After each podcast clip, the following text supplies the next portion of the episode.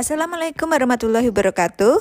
Ini suaranya Bu Ola ya. Bu Ola menggunakan uh, aplikasi Anchor.